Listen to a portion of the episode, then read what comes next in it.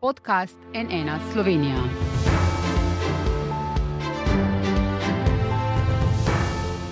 Dobr dan, to je NN studio. Danes je že 111. dan ruske invazije na Ukrajino. Slovenska javnost od nove vlade med drugim pričakuje tudi jasno stališče do te vojne. To lahko sklepamo tudi po dveh javnih pismih, ki sta ju v zadnjih dneh na premija Roberta Goloba in zunanjo ministrico Tanjo Fajon naslovili dve skupini. Pod prvega, ki vlado poziva k razmisleku o smotrnosti oboroževanja Ukrajine in spremembi politike do Rusije, sta se med 17. podpisala tudi dva bivša predsednika, Milan Kučan in Danilo Tirk.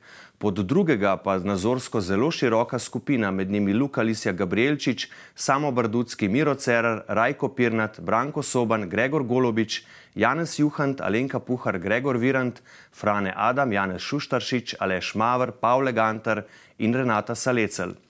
V studiu pa zdaj prav lepo pozdravljam ministrico za zunanje zadeve Tanjo Fajon. Dobr dan, dobrodošli. Dobar dan. Prek povezave pa je z nami tudi prvo podpisani pod sinoči objavljeno pismo Luka Lisja Gabrielčič. Dobr dan tudi vam. Dobro dan.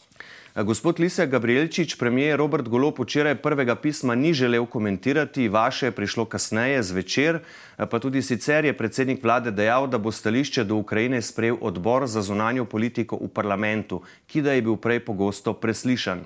Ampak tudi premijer stališče zagotovo ima, pa ga očitno najbrž ne želi povedati. Ga želite s tem pismom k temu spodbuditi in kaj je glavno sporočilo? Ja, mi bi se tudi želeli, da bi bilo stališče Slovenije glede vojne v Ukrajini čim širše in da bi obs, obs, obsegalo nek, nek um, širši konsens v družbi. Jaz mislim, da na podlagi tega pisma, ki smo ga mi postavili, ta konsens je mogoč. Na zadnje se tudi vi podarili, da se, pod se so pod njega podpisali ljudje najrazličnejše svetovno-nazorske usmeritve. Jaz sem gledal, bi rekel, podpise, ki so prišli pod naše odprto pismo in mislim, da v zadnjih 10-15 letih nismo videli tako različno, ideološko, nazorsko različnih ljudi podpisane pod neko, nek isti dokument. In jaz mislim, da naša, naša pozicija lahko služi kot neka podlaga, da se okrog tega tudi, kot je napovedal premije v odboru za zonalne politiko, oblikuje neko stališče, ki bo dejansko najprej imelo, bom rekel, širok politični konsens znotraj Slovenije same. Gospa ministrica, kakšno je torej uradno stališče Slovenije zdaj, ko je pač nova vlada prisegla, nastopila, delo se je spremenilo v primerjavi s prejšnjo vlado ali ne? No, najprej bi rekla, da se strinjam, kar je bilo povedano, da potrebujemo en širši konsens in široko razpravo. V tej luči sem jaz tudi razumela obe javni pismi, ugledna imena so podpisana, kar seveda sporoča, da nas vse v Sloveniji skrbi um, razvoj dogodkov, vojna v Ukrajini, da si vsi želimo čim prejšnje končanje, seveda po neki mirni poti.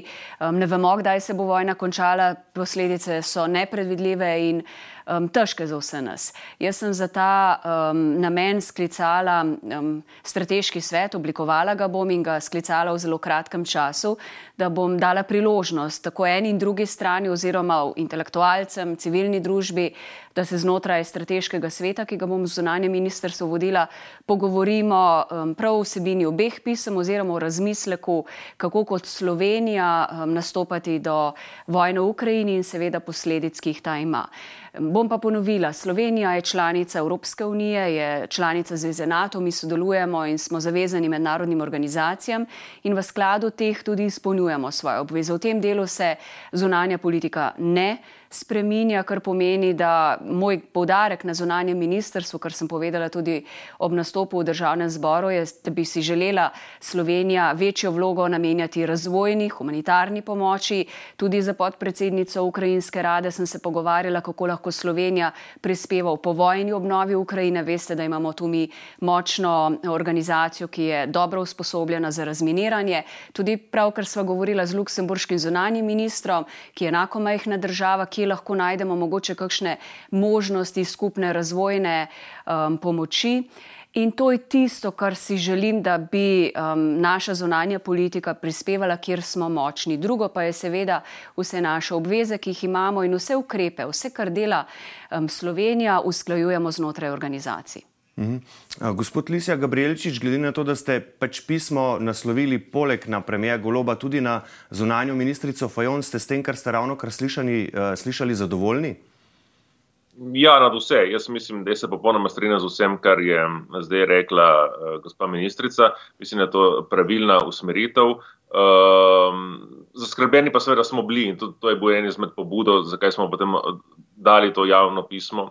Uh, da so se seveda med najrazličnejšimi glasovi, ki se oglašajo v Sloveniji v zadnjih tednih, ki so posebno razumljive, javna razprava je nujna. Stori taki iz strani uglednih ljudi, recimo nekdanjega zunanjega ministra Karla Rjavca, um, eh, ki je bil na zadnje tudi, spomnimo, ne se ne, tudi premijerski kandidat um, opozicijske koalicije KUL.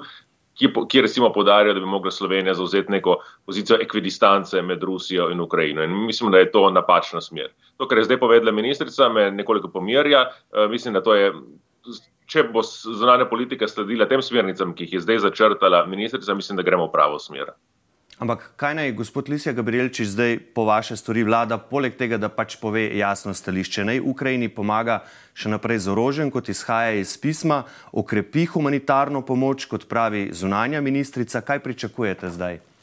Glede, jaz mislim, da, te, da to, kar se zdaj meni, sploh ni v nasprotju uh, ena stvar z drugo. Zdaj, jasno je, seveda, da Slovenija ni velik proizvajalec orožja, da gotovo, če gledamo zdaj prioritete specifično, kjer lahko mi pomagamo, jaz sem tukaj se strinjam, da, da mogoče so področja, ker smo lahko mi dosti bolj, um, rekel, dosti več realne pomoči um, doprinesemo, kot pa, kot pa z našo, rekel, orožarsko industrijo, ki je milo rečeno Eh, šipka. Gre pa seveda tudi vprašanje znotraj Evropske unije in znotraj NATO, katere pozicije bo eh, zagovarjala Slovenija. Tukaj dobro vemo, ne seveda, da tudi znotraj NATO so drugačne, dosti bolj proruske pozicije, ki jih recimo zagovarja naša država v neposrednem sosedstvu Mačarska.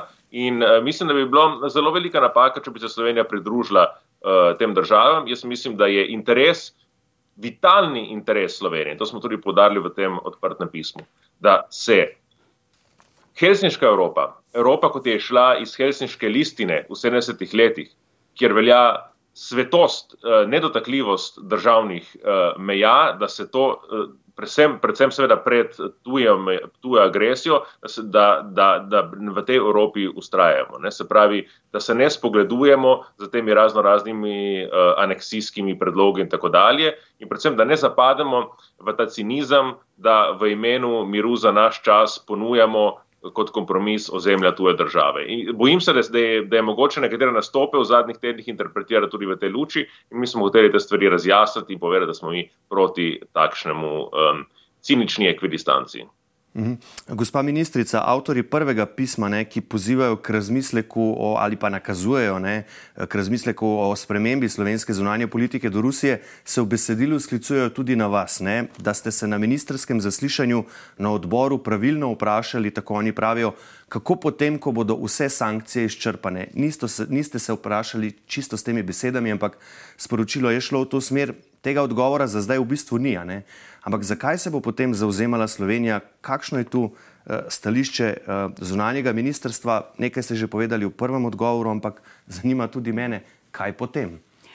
Glede, jaz mislim, da se vsi podobno sprašujemo, kaj bo, če bodo sankcije izčrpane, če ne bodo zalegle tega želenega učinka. Um, to je tudi neka nova nepredvidljiva situacija, tudi za nas zunanje ministre, uh, kako v takih um, situacijah, ko imamo vojno, ko ne vemo, kako dolgo bo trajala, vemo, da si vsi želimo čim prej mir in ko je enkrat mir zagotovljen, se lahko začnejo tudi pogajanja. Pogajanja pa so lahko samo takrat, ko sta prisotni tudi obe strani. Um, lahko povem, da sem zadovoljna, da se je danes vrnil naš veleposlanik, ki je poklicni diplomat v Kijev. To je tudi pomembno sporočilo, da je zamenjal vojaka in da lahko ta diplomacija in da tu lahko Ukrajini resnično pomagamo. Zagotovo si želimo po diplomatskih kanalih doseči, da tudi Rusija sede za pogajalsko mizo, ampak dokler ne bo miru, si je to težko predstavljati. Um, jaz sem tudi vesela, da bomo lahko Ukrajini zagotovili vso pomoč pri evropski perspektivi. Veste, da um, se junija odloča o tem, ali bo država dobila status kandidatke. Mi imamo tu svoje izkušnje in znanje in bomo seveda državi na tej poti pomagali, ampak tu moramo vseeno povdariti, um, zavedojoč se, da je pa naš fokus še vedno na naši soseščini, Zahodnem Balkanu, da ne sme to nikakor ogroziti procesa širitve na Zahodni Balkan. Vsekakor so to tiste poti, načini, kjer jaz mislim, da lahko Slovenija pravzaprav največ pripomore, kot pa je rekel um, gospod Luka mislim, da eno ne izključuje drugega. ključno je, da smo Slovenija članica organizacij in da bomo v kontekstu teh tudi sprejemali svoje nadaljne ukrepe. Sem pa vesela, da je predsednik vlade tudi napovedal ta posvet v parlamentu. Mi imamo v petek zjutraj tudi eh, odbor za zunanjo politiko pred vrhom, pred srečanjem zunanjih ministrov v Luksemburgu. Se bom tudi tokrat sama udeležila te razprave v državnem zboru, ker se mi zdi, da je to ključno, da res soočimo in opravimo en um, dober razgovor z vsemi deležniki v Sloveniji, ker nas vse skrbi, da to ni stvar samo ene ali druge politike. Mi tudi v vladi še nismo pravzaprav pravili širokega pogovora. Ja, zdaj mi smo poslali tudi nekaj vprašanj v kabinet predsednika vlade, povezanih prav s tem, o čemer se danes pogovarjamo recimo temu, da je bil vsebinski odgovor ta del, ne, da v kabinetu pravijo, da se pri vzpostavljanju premirja ne sme popuščati zahtevam Rusije. Se ste vi s tem strinjate? No, jaz nisem videla odgovora iz predsednikovega kabineta, tudi ne vprašanj, tako da bi se raje zadržala komentiranja, da ne bom kaj narobe rekla, ampak na vsak način še enkrat prizadevanja vseh nas, mislim, da v Sloveniji gredo v smer, da se vojna v Ukrajini čim prej konča.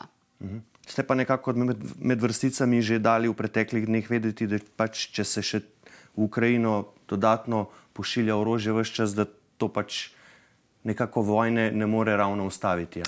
Čimer, Mislim, na kar opozarjajo tudi podpisniki nikoli, prvega pisma. Nikoli uh, več orožja. Vem, da sem bila kritizirana za to, ampak dejstvo je, nikoli več orožja ne prinese več miru, ampak po drugi strani pa se mora tudi Ukrajina braniti, tako da so to težke odločitve, rabijo širši konsens um, in Slovenija mora pač narediti, kar je v naši moči, da lahko državi pomagamo. Mhm. Gospod Lisjak, Gabrielčič, za konec predstavniki in podporniki prejšnje vlade Jane Zajanše javno že kar pogosto govorijo o tem, da imamo pro-Putinovsko vlado. Spomnimo se obračuna na internem zboru EPP med Milanom Zverom in Ljudmilo Novak. Ali Evropo zelo zanima, kaj si o vojni v Ukrajini misli nova slovenska vlada? Kaj menite?